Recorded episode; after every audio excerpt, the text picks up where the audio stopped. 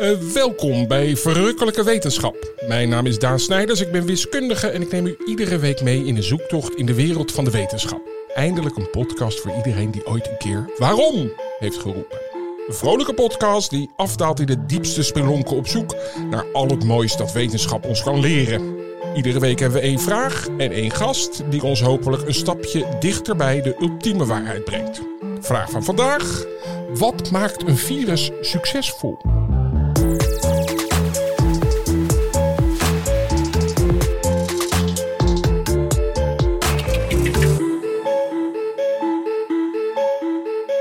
Virussen hebben slechte namen, Marlijn. Ja. Ik kijk even naar mijn zus. Ja, ja virus. Ja. Nee, wegwezen. Het is nooit leuk. Computervirus.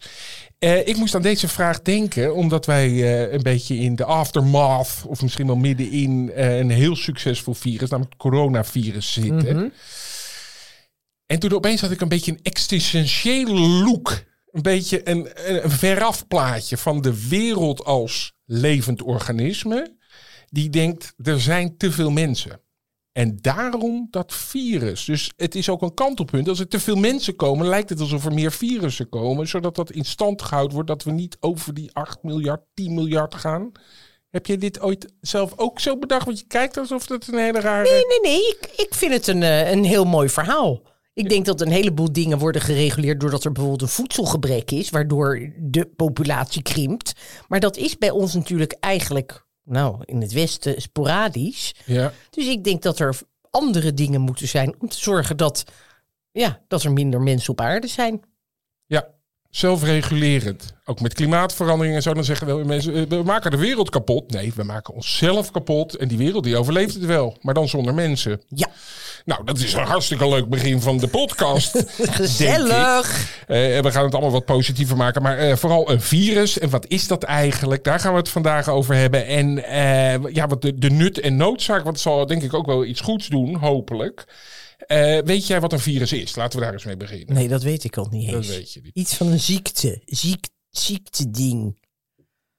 Maar ik weet niet of ik heel hoog score met ziekteding. Nou, ik schrijf het op. Een ziekteding. virus is ziekteding. um, hoe kom je aan een virus? Ik geloof dat dat via een ander is. En dus dat zal wel met die, dat bedoel, dat is natuurlijk dat niezen in het gezicht, uh, met, door lichaamsvocht. En ik geloof handen schudden er ook bij kwam. Ik doe maar even die coronariedel. Ja, nee, dat, en dat hebben we allemaal uh, geleerd. Geen handen schudden doe je nog steeds niet, of wel weer? Ja, doe ik weer wel. Het is ook gek, het is zo'n gewoonte mens dat je denkt van ja, ik ga me niet dat handen schudden af laten pakken. Terwijl dat, waarom doe je dat nu weer? Ja, ik vind het, ik bedoel, ik vind het prima om niet meer uh, te zoenen met begroeting. Maar ik vind het toch wel als iemand. Ja, ik steek mijn hand zelf niet uit. Maar als iemand anders zijn hand uitsteekt, dan doe ik dat wel terug. Oké. Okay. Ik vind het ook zo gek om dan ineens zo'n box of zo'n elleboog te gaan geven. Ja, nou, dat ben nou, ik helemaal met je eens. Nee, oh, ik zit eventjes na te denken, want ik doe toch wel die elleboog als iemand een box doet. Dat is ook altijd la lachen. dat is het laatste wat ze verwachten. Um, maar we gaan het nu, nu echt eventjes ja, over virussen hebben. duiken erin. En uh, vooral, uh, ik wil ook zo graag weten of ze leven eigenlijk. Leeft een virus? Dat is ook altijd een hele diepe vraag. Uh, onze expert. Quirin Tempels, epidemioloog en infectieziektemodelleur aan de Wageningen Universiteit. En zij onderzoekt de verspreiding van virussen. Hoe verspreiden die? Zoals bijvoorbeeld het coronavirus. En nou hadden we al een hele mooie definitie van mijn zus. Wat een virus was. Een ziektedingetje, hè, geloof ik. Ja. Maar is daar wetenschappelijk ook nog iets over te zeggen? Zal ik maar vragen. Dank je nou. wat, wat vind jij, wat, wat, is, wat is een virus? Dat is de vraag. Ja, dat is, dat is soms een ziektedingetje, maar soms worden we er helemaal niet ziek van. Het is wel een dingetje. Uh, het is eigenlijk een, een balletje genen. Het is best een simpel, simpel, simpel dingetje, maar met heel veel impact. Een balletje genen. Een beetje ja, genetisch materiaal in een, in een balletje. Oké. Okay. En dat en genetisch materiaal, dan denk ik DNA. Dus het is gewoon een beetje DNA in een balletje. That's it. D- dat is de simpelste Ja, nou ja. omschrijving eigenlijk, DNA of RNA. Maar eh, dat, dus dan hebben we een balletje DNA, maar dat, waar, waar, hoe kan dat overleven? Of, of leeft het niet? Leeft het? Leeft een virus? Dat is, een, dat is een hele diepe vraag eigenlijk. Eigenlijk de makkelijkere vraag is, is een virus dood? Want daar zijn we het allemaal over eens. Dat is niet zo. Of een virus leeft, daar, eh, daar kunnen menig bioloog zich eh, het hoofd over breken. Eh, want er zijn een boel eigenschappen die het virus gemeen heeft met zij die leven. Maar ook een aantal dingen waar die wel erg afhankelijk van nou ja, de gastheer, mensen, beesten, muggen, noem maar op is. Ja. Mhm. Dus dan, dan, dan, het heeft een host nodig om. Heeft het bijvoorbeeld een stofwisseling, een virus? Of Nee, nee, nee, nee. Dus het- eigenlijk is er weinig aan. Ehm, maar ja, om, eh, om te leven moet je wel, of om te leven, om je te reproduceren, moet je wel een plan hebben.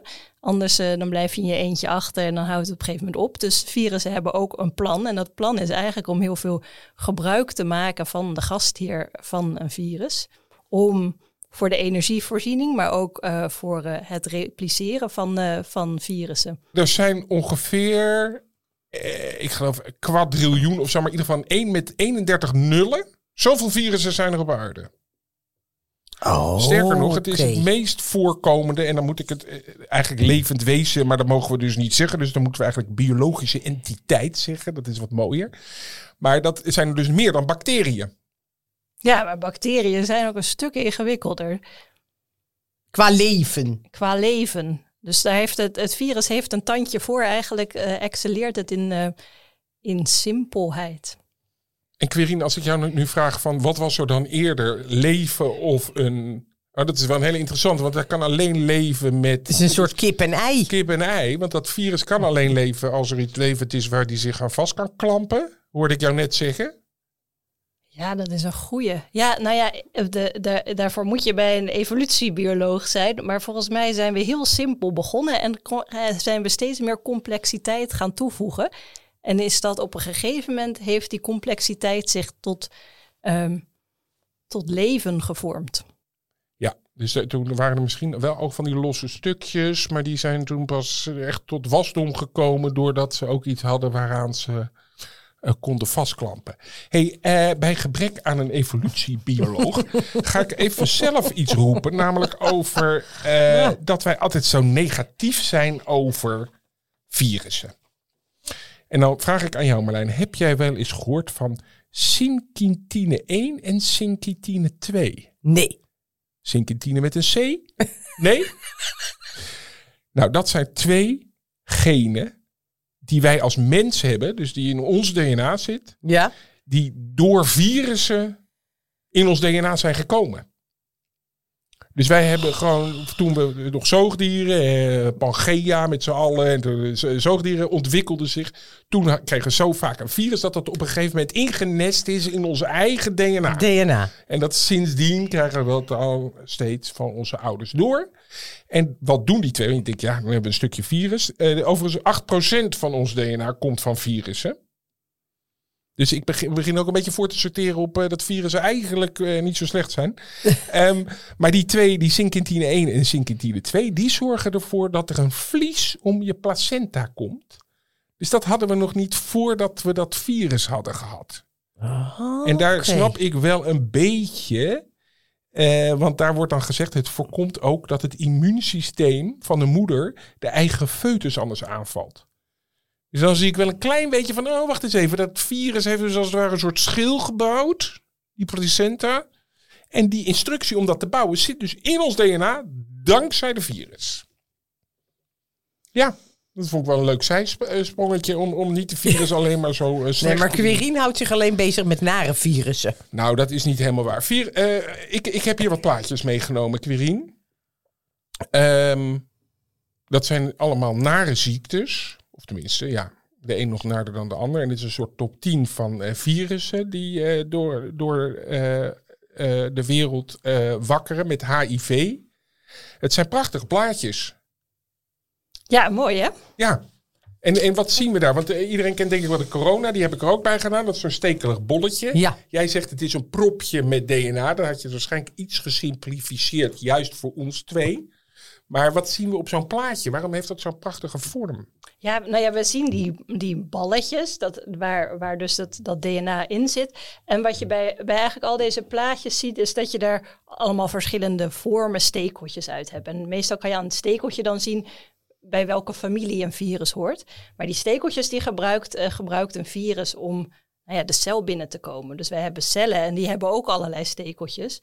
En die gebruiken wij om signalen op te pikken en dingen uit de omgeving van de cel uh, op te pikken. En daar maakt het virus gebruik van. Dus die, die stekels zijn belangrijk voor een virus. En daar is, uh, ja, ik wou zeggen over nagedacht, maar dat is een beetje te, too much credit. Ja, maar geëvolueerd. Maar dat zijn ver, of... vernuftige stekels, ja. Ze komen binnen, ja. ze, ze gaan de cel in en dan reproduceren ze zich, omdat ze je lichaam over willen nemen of gewoon lekker met zoveel mogelijk nee, hoor, zijn? Nee, nee, nee. Ja, ze willen met zoveel mogelijk zijn. Dat is eigenlijk wat de evolutie doet. Hè? Als, je, als jij het handigst kunt zorgen dat, er het, dat jij je het meest reproduceert, dan ben jij degene die, uh, die aan het eind van de rit overblijft. En dat jouw mhm. nageslacht kan zich dan nog een keer gaan reproduceren. En zo uh, win je de race. Ja. Uh, en daar word je dus als, als succesvol virus voor beloond. Dus dat is uiteindelijk het doel van, van een virus. Niet meer dan dat, niet minder. En gaat hij dan op zoek naar bepaalde plekken in je lichaam? Of wat He, want nu met die corona bijvoorbeeld, dat je dan je longwee, longen. En bij de vogelgriep bijvoorbeeld, dat, dat die dieren zich heel gek gaan bewegen. omdat er iets met hun hersenen gebeurt. Waar gaat die. Waar zitten ze? Ja, dus dat hangt een beetje af van het virus hoor. Die hebben, nou ja, die hebben dus al die stekels en die stekels die, die matchen met stekels die wij hebben. En onze cellen zijn natuurlijk ook gespecialiseerd. Die zijn anders in je longen dan in je hersenen, dan in, uh, in je darmen bijvoorbeeld. Dus die, cellen, die, die virussen die zijn ook ergens in gespecialiseerd. En daar, uh, daar zijn de cellen die zij um, um, infecteren. Ja, ja. Dus ze zijn allemaal gericht op een bepaalde plek in het lichaam. Juist. Maar zijn ze er echt alleen maar om ons tegen te werken? Dat vraag ik me af. Helemaal niet. Nee hoor. Nee. Nou ja, uiteindelijk heeft een virus er niks aan om ons tegen te werken. Uit, uh, het virus wil alleen maar reproduceren. Dus eigenlijk is het gunstig voor een virus als wij gewoon rond blijven lopen met zo'n ja. virus. En um, nou ja, nieuwe virusdeeltjes voor dat virus maken. Nou is het probleem dat ons lichaam natuurlijk herkent, hey, dit hoort hier niet. Dus daar ga je uh, in veel gevallen ga je daartegen ageren. Dan komt je, je immuunrespons in actie. Het andere probleem, als je dat niet doet, dan heb je kans dat je heel veel besmette uh, cellen krijgt. En dat je daar dan weer ziek van wordt. Dus het is, een, het is ook voor virussen is het een zoektocht naar Um, hoe hard wil je reproduceren? Als je te veel reproduceert, maak je je gastheer ziek. Dat is helemaal niet gunstig vanuit het oogpunt van een, van een virus. Maar als je te weinig reproduceert, ja, dan word je links en rechts ingehaald door de andere virussen. Dus daar is ergens een, uh, een optimum. Ja, maar dat was de vraag van vandaag, toch? Wat maakt een virus succesvol? Ja. Dus we, we, je, je, moet niet iemand meteen in een dag doodmaken. Dat, dat is niet goed. Eigenlijk wil je het helemaal niet ziek maken als virus.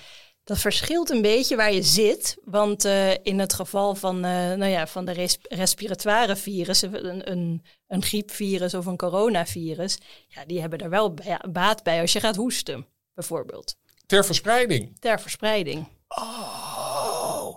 Dat is de nou, truc. het is me een slimmerik. Ja. Jij maar met uh, dat het heel. Dat, nou ja, het stelt heel veel voor. Dat is de truc. Dat je hoest en dat dan Daan het krijgt zodat je dan kan verspreiden. Bijvoorbeeld, maar er zijn ook heel veel symptomen die wij krijgen van COVID, bijvoorbeeld waar het virus helemaal niks aan heeft. Die, die, je, ook al, die je nog hebt uh, nadat dat virus al lang vertrokken is. Ja. Maar dus uh, even een succesvol, want, je, want jij houdt je heel erg bezig ook met, met, met van hoe dat zich verspreidt. Hè? Uh, is, is dat, heb je dat specifiek voor COVID gedaan of heb je dat voor meerdere viri bekeken? Uh, nou, mijn tak van sport is oorspronkelijk alles wat door muggen overgedragen wordt. Ja. Uh, dus de Zika's en de knokkelkoorts en malaria. Uh, malaria. Ehm, ik heb aan de pest gewerkt. Ehm, dat wordt door vlooien overgedragen, maar kan ook eh, van mens op mens overdragen als het eenmaal in de longen zit. Dat is een bacterie. Dat is een bacterie, oké. Okay, ja. ja. ja. Er is ook nog verschil tussen. Ja. De virus is nog iets simpeler, maar daardoor niet minder dodelijk. In sommige gevallen. klopt. Oké, dus je, je hebt dat eh, op een grote schaal, mag ik wel zeggen, bekeken van hoe zich dat dan eh, verspreidt in een ruimte of, of buiten. En, en is, wat voor bevindingen kunnen we daaraan koppelen? Ja, nou, ehm, ja, wat maakt een virus eh, succesvol? Ik denk eigenlijk dat COVID daar wel een leuk voorbeeld is om naar te kijken. En eigenlijk, je, je kan tegelijkertijd kijken, ehm, wat maakt het succesvol? Is tegelijkertijd ook, als er iets nieuws oppopt, zijn dat de dingen waar de epidemiologen en de virologen voor als eerst naar gaan kijken. Ehm, want dat maakt eh, of wij eh, een kans maken om, om, eh, om zo'n virus te stoppen. Mhm. Ehm, nou ja, het, het grote reproductiegetal hebben we natuurlijk veel gehoord. Ja. Dat betekent eigenlijk hoe besmettelijk is een virus. Dus je kunt wel reproduceren, heel veel vermenigvuldigen in een gastheer. Maar uiteindelijk als je succesvol wil zijn, moet je ook van de ene gastheer naar de andere zien te komen. En die moet dan vervolgens ook weer eh, een boel nieuwe mensen of dieren eh, infecteren.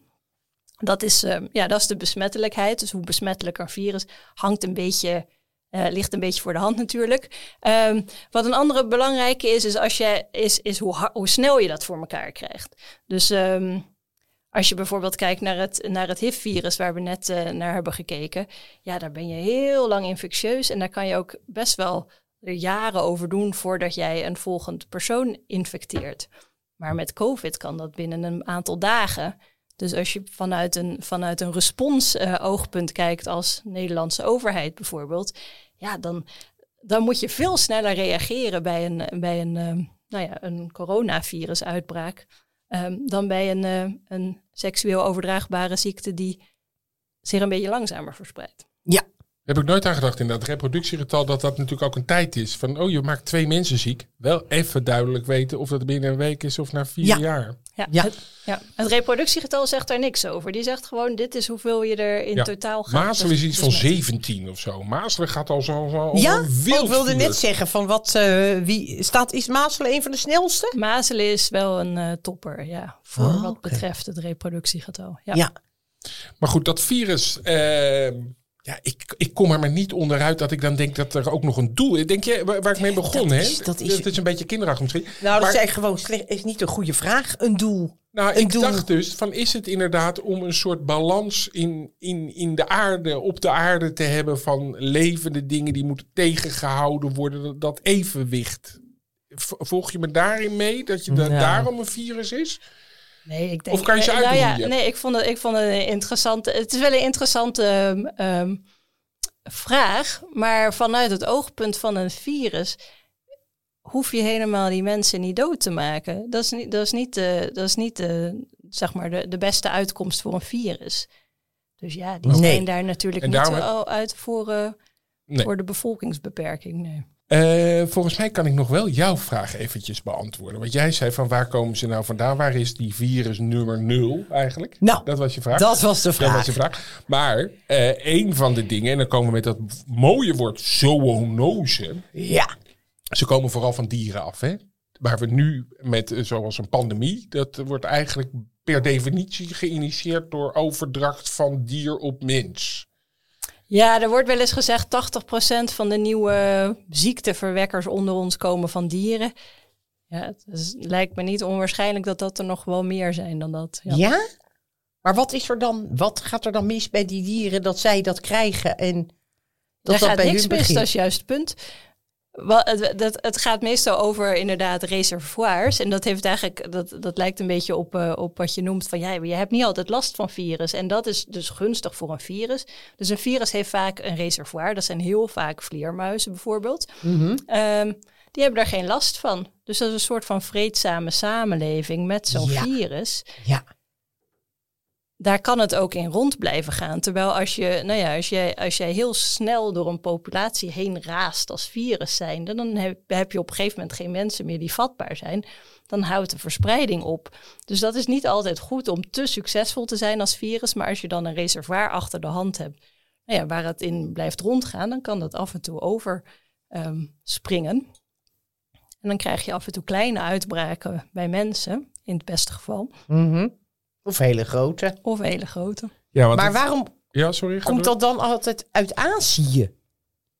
Ja, dat is helemaal niet zo. Oh, Oké, oh, dat is gewoon van mij uit een... eh, Gewoon, eh, ik zag dat COVID-comité eh, naar Azië gaan om ja, daar eens dat eventjes... kwam- eh, kwam uit Wuhan. ja, Maar niet elke eh, pandemie. Wat wel zo is, is dat het uit dichtbevolkte gebieden komt. Waar we dicht op de dieren gaan wonen.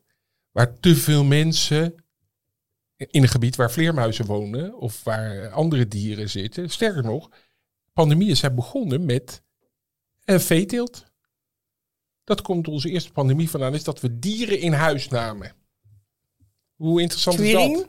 Ja, Dat weet Quirine. gelukkig. Nee, oké, dus het gaat wel om... Want zij moeten natuurlijk van, de, van dat dier overstappen op die mens. Dus het is, het is handig als, daar, als ze veel gastheren hebben om zich heen. En- Jammer. En, eh, is er ook nog een virus waarvan je zegt, ja, daar heb ik het niet zo mee. Een beetje een loser virus. Nou ja, ooit had ik dat wel over, over dat is geen loser virus, maar de, ehm, wat je vroeger zag met, met bijvoorbeeld ebola-uitbraken. En eh, daar, komen, daar komt de asterix achteraan natuurlijk. Maar eh, we hadden het al een beetje over dat een virus er niet zoveel aan heeft om ehm, zijn gastheer dood te maken. En dat zag je bij veel lokale ebola-uitbraken, dat die heel kort en heftig waren, heel veel eh, sterfte veroorzaakten. Maar ja, die mensen die waren zo snel overleden. En het is eh, heel duidelijk wanneer je ebola hebt. Je bent voor die tijd ook nog niet besmettelijk. Ehm, dus dat, dat was eigenlijk eh, voor, voor mensen of voor pandemisch potentieel was dat helemaal niet zo succesvol. Totdat het in, eh, in 2014 ehm, in, eh, in West-Afrika, Ja. meer in urbane gebieden, ehm, ehm, voet aan de grond kreeg. Nou, en toen zag je dat dat virus een enorme impact kan hebben. En hebben ze jou nog wat gevraagd tijdens deze coronacrisis? Van mensen, moeten we inderdaad die handen, daar hadden we het aan het begin over. Dat, eh, het schudden van de handen, de mondkapjes dragen. Heb je daar ook mee bezig gehouden? Ja, we hebben ons vooral eh, bezig gehouden met ehm, de verspreiding in binnenruimtes bijvoorbeeld. Dus wat, wat moet je voor, wat zijn zinnige maatregelen in restaurants of cafés of theaters? en Raam dergelijke openzetten, vragen. dat moest de hele tijd toch? Eh, Ventilatie, eh, is dat eh, relevant en in welke, op welke momenten of in welke eh, ruimtes? En die schermen zijn ook van jouw hand. Die schermen komen niet van mij. Oh. Eh, maar het is wel interessant, want je moet dus nadenken. En dat is wat je, eh, wat je vrij snel eh, moet onderzoeken, is hoe verspreidt zo'n virus zich.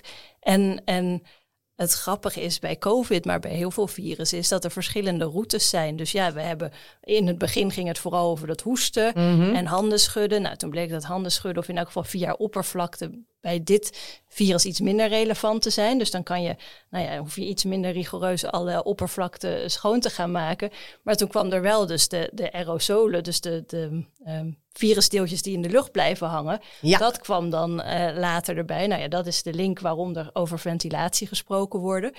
Maar die virusdeeltjes die worden pas echt ehm, gevaarlijk op het moment dat je langer in een ruimte bent. Dus wij zitten hier straks bijna een uur te praten. Ehm, in een, in een dichte ruimte, dan kan het vi- kunnen virusdeeltjes zich op gaan stapelen. En dan heb je eigenlijk, nou ja, dan, dan wordt je risico dus steeds hoger. En op het moment dat je lang, lang in een ruimte zit, eh, voor dat soort ruimtes is dan inderdaad ventilatie extra belangrijk. Hm? Dus dat is een, een voortschrijdend inzicht. Maar wat je, af gaan ronden, denk ik. Nee? Hoe langzamerhand af gaan ronden.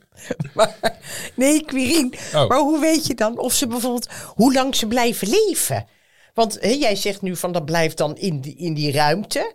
Maar kan je ze dan vangen en kijken of hoe doe je dat? super ingewikkeld. Ja, dus dat is, dat is eigenlijk waarom ehm uitbraakrespons een in- interessant veld is. Omdat je aan de ene kant je best gaat doen om inderdaad die virusdeeltjes uit de lucht te halen. Nou, dat lukt nog wel. Dan krijg je stukjes eh, eh, DNA of RNA afhankelijk van het virus, die je, die, wat je terug kan vinden. Dat je denkt, oh ja, het was hier. Dan hou je een beetje lucht uit de ruimte. Ga je daar kijken of daar stukjes DNA in te vinden zijn. Maar ja, dan weet je niet of dat virus in de lucht ook daadwerkelijk iemand had kunnen infecteren. Je hebt alleen maar stukjes eh, genetisch materiaal gevonden. Dus eigenlijk zou je dan willen dat je dat ook nog eens nou ja, kunt reproduceren of eh, daar een, eh, iemand, een dier mee kunt infecteren bijvoorbeeld. Nou, dat is super lastig, want er is dan in de tussentijd van alles met dat virus gebeurd wat anders niet zou gebeuren. Dus dat is heel moeilijk. Ehm, dat is het ene stukje van je bewijsvoering. Het andere stukje is meer statistisch van aard. Dus je gaat kijken naar waar zien we de meeste uitbraken. Zeker aan het begin. Als er, nou ja, dat kost natuurlijk tijd voordat je al die lab-experimenten hebt gedaan. Maar ga aan het begin van zo'n uitbraak inderdaad kijken van waar gebeuren de meeste uitbraken, waar gebeuren de grote uitbraken, wat hebben die met elkaar gemeen? Ja. Nou ja, zijn dat meer ongeventileerde ruimtes, bijvoorbeeld bij het après-skiën? Uh, zijn er veel mensen bij elkaar? Gebeurt er veel buiten? Nou, dat viel dus mee. Dus dan, nou ja, dan krijg je wel het idee van, nou ja, het gaat in elk geval door de lucht. En als je buiten bent, dan komt dat misschien door de, door de zon, dat dat niet zo hard ja. uh, zo hard gaat. Of het komt omdat inderdaad alles lekker wegwaait. Nou ja, zo bouw je dan een beetje je uh, portfolio op van wat je begrijpt, van hoe het verspreidt. En dan kun je daarop gaan ingrijpen. En dan heb je het alleen over dit specifieke virus, want uh, dat is niet voor elk virus hetzelfde dan.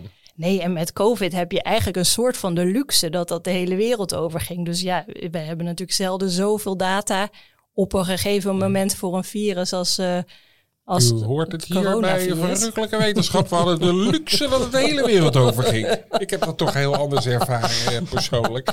Nee, maar ik begrijp wat je zegt. Ja, mag ik nog even een vraag stellen? Hoeveel procent denk je nou dat je weet van dat virus? Is het nu helemaal dat je denkt, nou eigenlijk weten we wel hoe het zich verspreidt en uh, wat het doet. En heb je dat idee of ken je het nog steeds niet door en door? Nee, we kennen het niet door en door. Ik vind eigenlijk de vraag van wat gaat er dit najaar gebeuren en het feit dat daar eigenlijk al, nou ja, in, uh, in het beste geval uh, zeggen de verstandige mensen daarover dat is uh, moeilijk te voorspellen. Ja.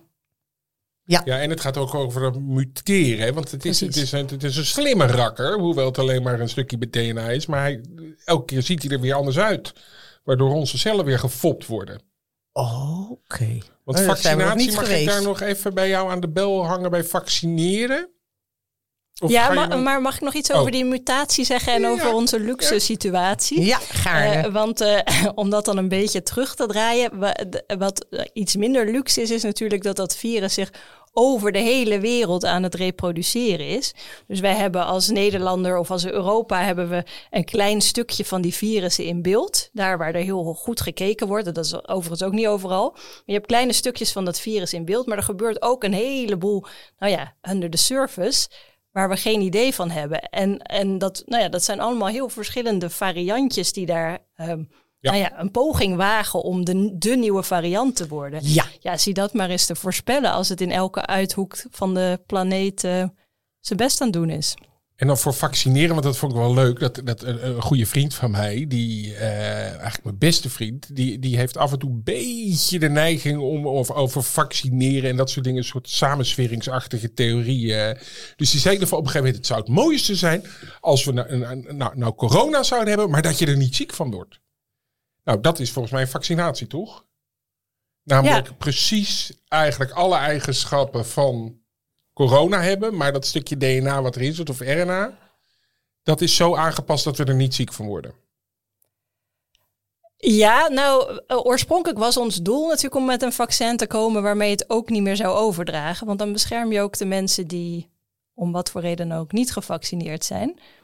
Uh, het lijkt er nu meer op dat de vaccins in elk geval dat doen wat jij zegt inderdaad. Die zorgen dat we er niet meer ziek van worden.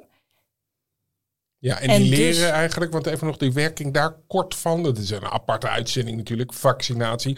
Maar eh, die zien er helemaal hetzelfde uit als, als, als de boosdoener, als het coronavirus. Komen binnen en daardoor worden onze cellen getraind om dat te herkennen van dit is iets waar we voor moeten oppassen. Precies, ze zien er of helemaal hetzelfde uit of uh, ze hebben kleine stukjes uh, wat, nou ja, wat elk dat virus heeft en wat herkend wordt. Dus het hoeft niet een heel virus te zijn, maar dat soms. Dus je, ja, er zijn eigenlijk twee soort van routes. Of je, of je pakt een stukje van het virus en je gebruikt dat.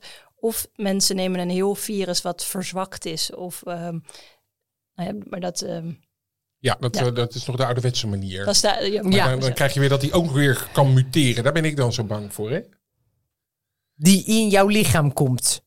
Ja, als je een natuurlijk virus gaat pakken, dan kan dat ook weer ah, tijdens dat proces weer opeens een ander hoedje opzetten. En dan denk je, hey. Hey Marlijn, ben je, ben, je, ben je ver genoeg? Ben je nou, ik wilde ineens nog apenpokken zeggen. Oh ja, volgens mij ben jij ook niet zo gek van apenpokken, toch? Is dat ook een virus? is ook een virus, ja. Die hadden we even in beeld, maar en ik zag twee hele nare armen met apenpokken. Maar ik heb het idee dat het nu alweer eh verdwenen is. Of is dat... nee hoor, eh, nee, nee. oh. Misschien eh, vooral van de nieuwspagina's. Maar Ja. eh, dat gaat nog eh, hard. Ja, dat is wel ook een ding, hè? want we hebben het hele tijd over corona. Maar dat, we hebben, de- dus dat ebola, dat, dat, Ja. dat, is, dat is al eh, nou ja, 40 jaar of zo is dat aan de gang. Maar hoe komt dan dat? Zo'n virus, kijk, dat corona komt hier naartoe, maar hoe kan dat dan? En jij als hoofdverspreiding, hoe komt dat ebola dan hier niet? Of komt dat hier wel, maar heb ik dat nooit gezien?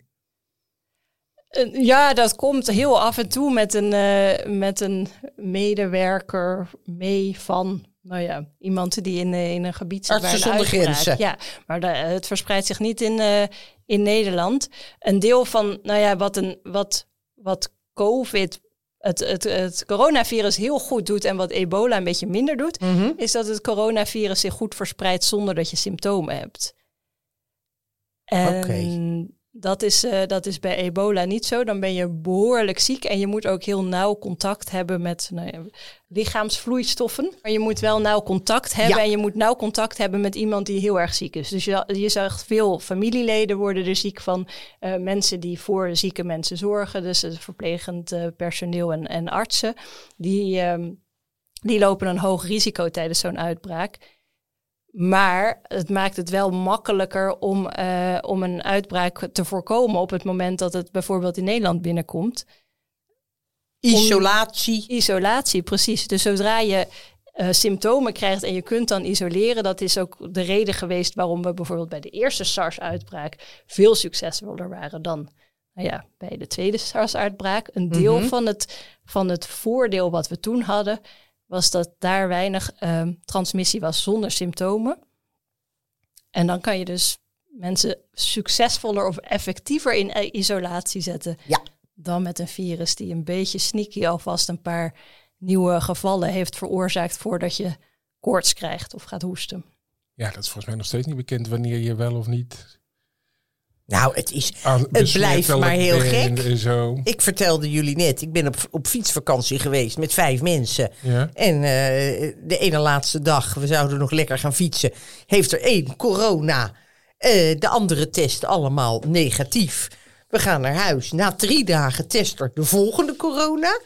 En nu zijn er nog steeds drie die allemaal heel erg hebben gehoest. En verder niks. Ja, maar zijn, zit daar ook ingeënte patiëntjes tussen? Of, Alles. eh, alles. Ja, iedereen heeft de boosters gehad. Dit is een groep van 60 plus. Oké, ik wil nog eventjes ook over vaag hebben. Een beetje vaag verhaal. Vind je dat grappig? Maar vaag met een F. Het zijn in ieder geval virussen. Maar die eh, maken juist ziektebacteriën kapot. Oh, jij wil een positief stukje. Ik wil even een positief Een zoeken. En Sommigen zeggen die vage, die zijn eigenlijk veel beter. In Rusland schijnen ze veel gebruikt worden. eh, dan antibiotica. Want antibiotica, daar kan je lichaam zich weer aan laten wennen. Dus dan krijg je op een gegeven moment dat over 50 jaar iedereen immuun is voor antibiotica bijvoorbeeld. Als het te veel is gebruikt. Terwijl dit hele speciale eh, virussen zijn die alleen op een bepaald soort bacterie reageren, zich daarin voortplanten en daarmee de bacterie kapot maken. Dus dat, dat ja, ik, ik ben de hele tijd op zoek, want ik la- las dan ook iets van dat er 150 miljoen, Wat ben je chaotisch bezig? 150 miljoen van die eh, virussen zitten in één druppel zeewater, weet je wel? Ja, nee, dat moet je ook maar niet. Ja, maar dat, dat soort dingen, Daan. Wat doen die daar? Ja, nou, dat weet ik ook niet. Die gaan ook allemaal dood, toch? Of niet? Als ze in zeewater zitten. Nou ja, ze, ja, ze leefden niet, hè? dan gaan ze ook niet dood. Oh, oké. Dus ze kunnen in zo'n staat... Oh, dat is nog wel goed. Dat hebben we het eigenlijk niet over gehad. Dus ze kunnen in die staat zouden ze miljoenen jaren een beetje kunnen dobberen. En dan... Nee, nou daar heb je weer een goed punt, want ze kunnen wel inderdaad stuk gaan, inactief worden. Eh, dus er zijn sommige virussen die zijn er wel goed in om eh, in het water te overleven. Bijvoorbeeld het vogelgriepvirus. En dat is ook eh, nou ja, best een handig trucje, want eh, ja, er zijn natuurlijk veel wilde vogels die eh, ja, in meertjes, in koude meertjes rondhangen. Dus dat is waarschijnlijk een route bijvoorbeeld. Dus ja, er zijn virussen die dat kunnen, andere virussen een stuk minder. Ja, we hadden hier ook een manier op een gegeven moment zitten over wat is leven. En da- daar moest ik heel erg aan denken dat bijvoorbeeld een eikel, hè, gewoon een zaadje, die kan je ook een hele tijd laten liggen, doet helemaal niks. En dan eh, stop je in de grond een beetje water erop, begint hij te leven. Ja, Dat zijn toch ook... er moet en- een stimulans zijn. ja, maar dan, niemand weet hoe dat werkt. Maar Nee, goed, maar dat is ook met die virus. dat is ook met dat virus. Ja, een virus is wel afhankelijk van, nou ja, dat pakketje, dat moet wel heel blijven. En dat zijn eiwitten, dus soms gaan die stuk inderdaad doordat het te warm is. Want behalve dat eh, DNA zit er ook wat eiwitten in dat pakketje. Ja, dat, eh, de, dus, de, dus het, het bolletje is van eiwitten gemaakt. Oké, DNA dank je. Ja, dat wist ik nog niet, wat het omhulseltje was. Nou, dat is mooi. Op de valreep. Quirine, ik dank je hartelijk en ik praat nog even na met mijn zus. Hallo Merlijn. Nou, heb je wat Ja. van geleerd? Ja, ik weet nu, ziektedingetje was misschien wat eh Korter de korter bocht. Ja, dat dacht ik ook. hey, maar wat Een denk jij... ingewikkeld ziektedingetje. Ja. Ja, eh, met, met de oog op de toekomst. Hè? Want we zitten natuurlijk met veel mensen op deze planeet.